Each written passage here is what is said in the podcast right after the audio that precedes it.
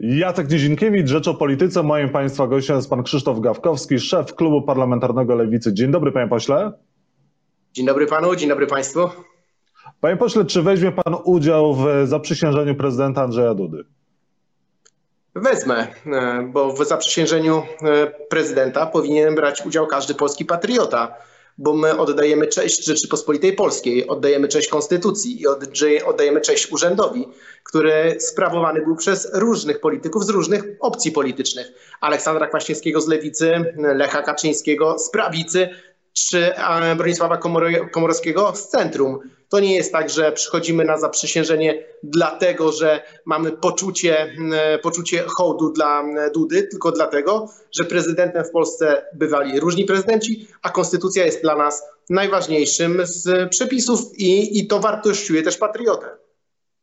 Pan, panie pośle, nie obawia się koronawirusa, nie obawia się pan, że pańscy koledzy mogą pana e, zarazić? No jednak Jan Krzysztof Libicki i inni senatorowie e, są zakażeni koronawirusem, mieli kontakt z innymi parlamentarzystami.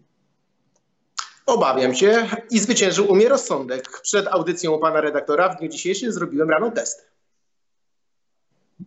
I jest oczywiście test jest e, pozytywny, nie jest pan nosicielem to powinien być negatywny, negatywny ale czy, tak.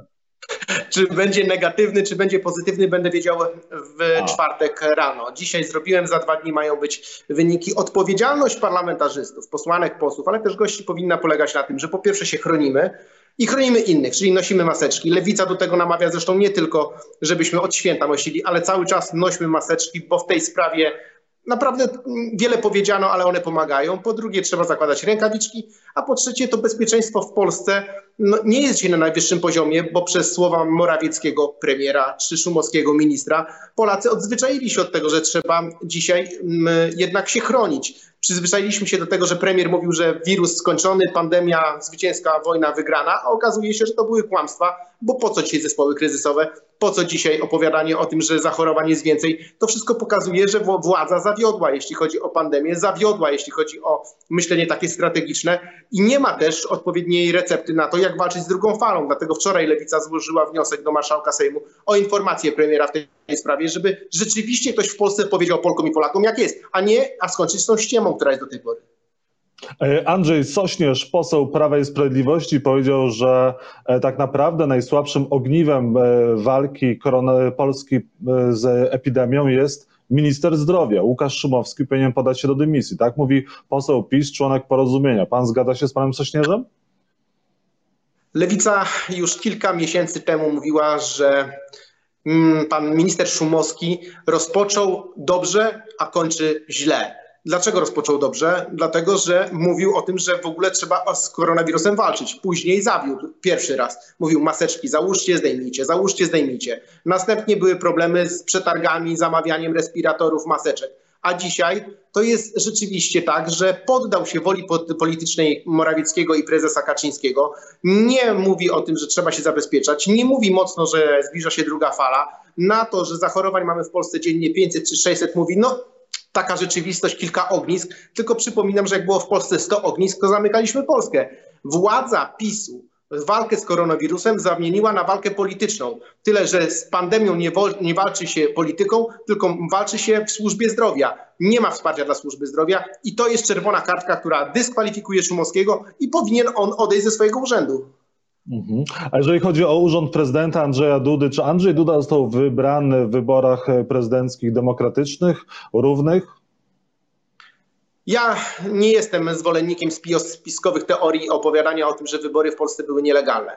One mogły być nierówne i to zauważam. Przede wszystkim przez dyskurs polityczny dotyczący tego, że media publiczne stały się kolejną tubą propagandową w kolejnych wyborach PiSu, a tym razem Andrzeja Dudy. I to jest dla mnie coś, co trzeba w przyszłości wyjaśnić, zwrócić uwagę i odebrać telewizję politykom ale były też elementy wsparcia rządowego. Nie zmienia to jednak faktu, że wybory były legalne, no bo gdyby dzisiaj wygrał na przykład Trzaskowski, to co, siedziałbym w tym samym miejscu i, i z tej samej perspektywy mówił, no nie, no nielegalny prezydent, ja nie lubię takiego opowiadania dyrdy małów trochę, będziemy mieli e, prezydenta naszego, to będą wybory legalne, będzie inny prezydent, to będą nielegalne. Wybory się odbyły, Sąd Najwyższy stwierdził ich ważność, Lewica ten wybór szanuje. Mamy takiego nie innego prezydenta, trzeba go pilnować, trzymać za rękę, bo nie ufa mu za grosz bo uważam, że może być tylko i wyłącznie spełniającym misję Kaczyńskiego. Ale jeżeli tego się nie da odwrócić, to trzeba po prostu zastanowić się, jak wygrać wybory za trzy i za pięć lat, a nie teraz płakać nad rozlanym mlekiem. No ale prezydent Andrzej Duda powiedział w kampanii wyborczej, że w drugiej kadencji będzie odpowiadał tylko przed e, Bogiem historią. I przed Kaczyńskim. Czego pan się... No nie, o Kaczyńskim nie mówił. Czego pan się spodziewa po tej prezydenturze, po drugiej kadencji Andrzeja Dudy?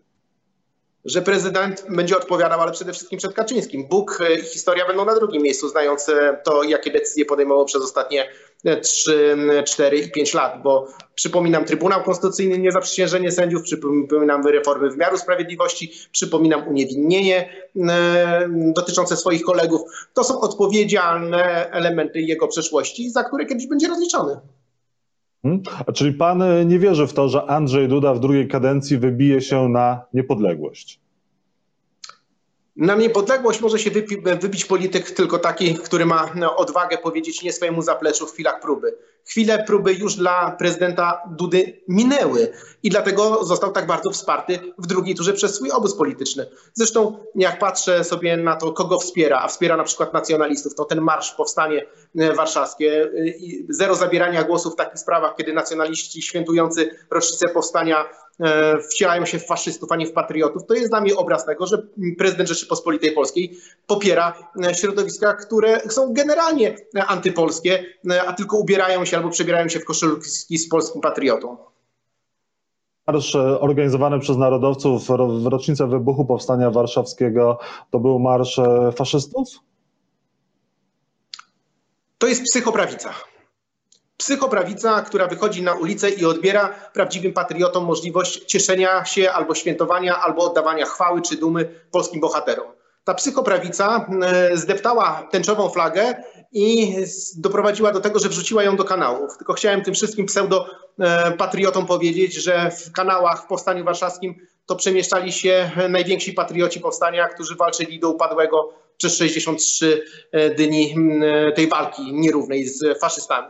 Dzisiaj, jak ci pseudo-psychoprawicowi nacjonaliści doprowadzają do tego, że e, walczą z transpartami antyfaszystowskimi, którym się nie podoba, że na przykład flaga tęczowa, która jest świadectwem równości, e, takiej otwartości, tolerancji, ale i patriotyzmu polskiego pojawia się na takich uroczystościach, znaczy, że nie rozumieją historii, nie znają jej, a władza e, w rękach Kaczyńskiego, Dudy i Morawieckiego im kibicuje. Bo jak można nazwać interwencję policji E, dla ludzi, którzy wznosili hasła antyfaszystowskie, kiedy szedł ten marsz. To jest po prostu przyzwalanie przez władzę na to, żeby takie ruchy rosły w siłę i na to lewica się nie zgodzi nigdy.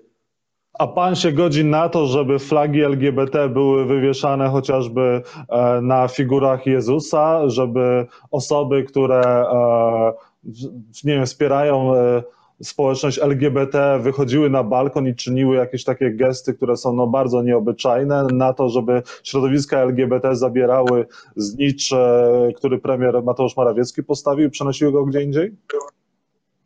Ale panie redaktorze, pierwszym socjalistą na świecie był Jezus Chrystus.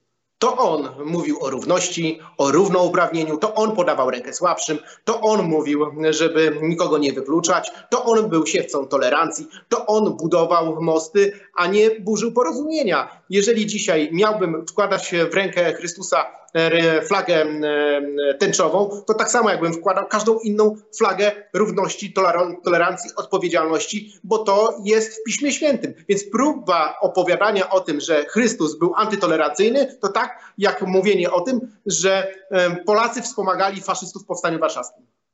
Mówi pan to jako praktykujący katolik.